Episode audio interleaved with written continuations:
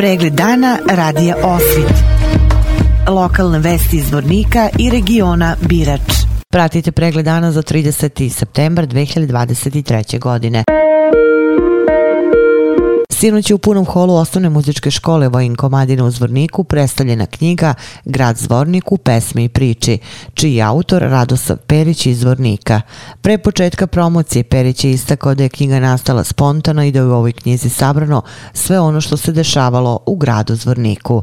Radosav Perić. Ova knjiga Zvornik e, u pjesmi priči nastala je spontano, jer sam ranije sa svojim učenicima skupljao sve priče i legende Zvorničkog kraja, poeziju, priče i slično i onda smo došli na ideju da ipak izdamo knjigu u kojoj će biti sabrano sve ono što se dešavalo u gradu Zvorniku, jer grad Zvornik ima svoju dušu, ima svoje prozore duše i treba na neki način sačuvati sve te naše pjesnike, pripovedače, istoričare i to je prva knjiga koja od najstarijih vremena govori o Zvorniku. Jedna od najstarijih pjesama koja je zapisana o Zvorniku e, jeste Zvornik grada iznad rijeke Drine koju će večeras restovati djeca, a onda smo e, obradili i pjesnike, prva je Jela Ostojić, Avdo Karabegović i ostali, dok su posle toga naišli mlade generacije koji su zaista tako vredni i njihove pjesme su također u ovoj knjizi.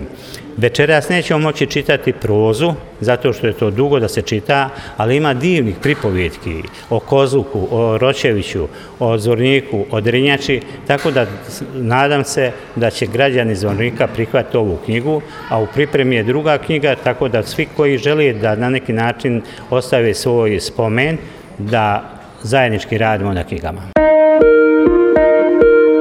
Svedoci državnog tužilaštva su rekli da su čuli kako su prilikom napada na zaselak Pantići kod Zvornika 8. oktobra 1992. godine stradali civili. Milorad Šakodić je svedočio na suđenju Mujimu Ratoviću, Rasimu Meroviću, Asimu Aliću, Fadilu Mujiću i Ismetu Memiću, koji su optuženi za ratni zločin protiv civila i ratnih zarobljenika na području Zvornika u periodu od oktobra 1992. godine do jula 1994. godine. Savo Kulić je ispričao da 8. oktobra 1992. godine nije bio u selu Malešić, ali je čuo da su tog dana u Pantićima osim vojske stradali i civili, te navaju imena nekih od najstarijih. Inače, Muratović je optužen u svojstvu komandira Šetićke čete, Omerović u svojstvu komandira vojne policije, Alić kao načelnik, a Mujić kao komandir stanice javne bezbednosti SAPNA. U organizaciji planinarskog društva Kik iz Bratunca danas je održan treći planinarsko-pešački pohod na Beli kamen. Ova jedina planinarska manifestacija je ove godine organizovana pod okriljem Planinarskog saveza Republike Srpske, a lokacija održavanja bila je selo Žlijebac. Pešačka kružna tura od 13 km koja vode od Žlijepca do izletišta na Bijelom kamenu prolazi kroz predivne krajeve ove opštine, a učesnici pohoda imali su priliku da uživaju u prelepim vidicima na kotlinu Drine, Kalj kanjon Triješnice, Gvozdačke stene i planinu Taru. Vesti iz Loznice. Etno selo Sunčana reka i ove godine je dodelilo nagradu Dobrinka Biba Mirković, ličnost Loznice za ponos, ustanovljenu pre pet godina. Šesti dobitnik je Milutin Popović Zahar, violinist i cenjeni srpski kompozitor, a nagrada mu je uručena sinoć na svečanosti koji su prisustvovale brojne zvanice, posetioci i prijatelji.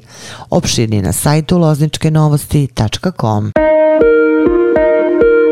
Pratili ste pregled dana za 30. septembar 2023. godine. Prijetno. Pregled dana radija Osvit. Lokalne vesti iz Vornika i regiona Birač.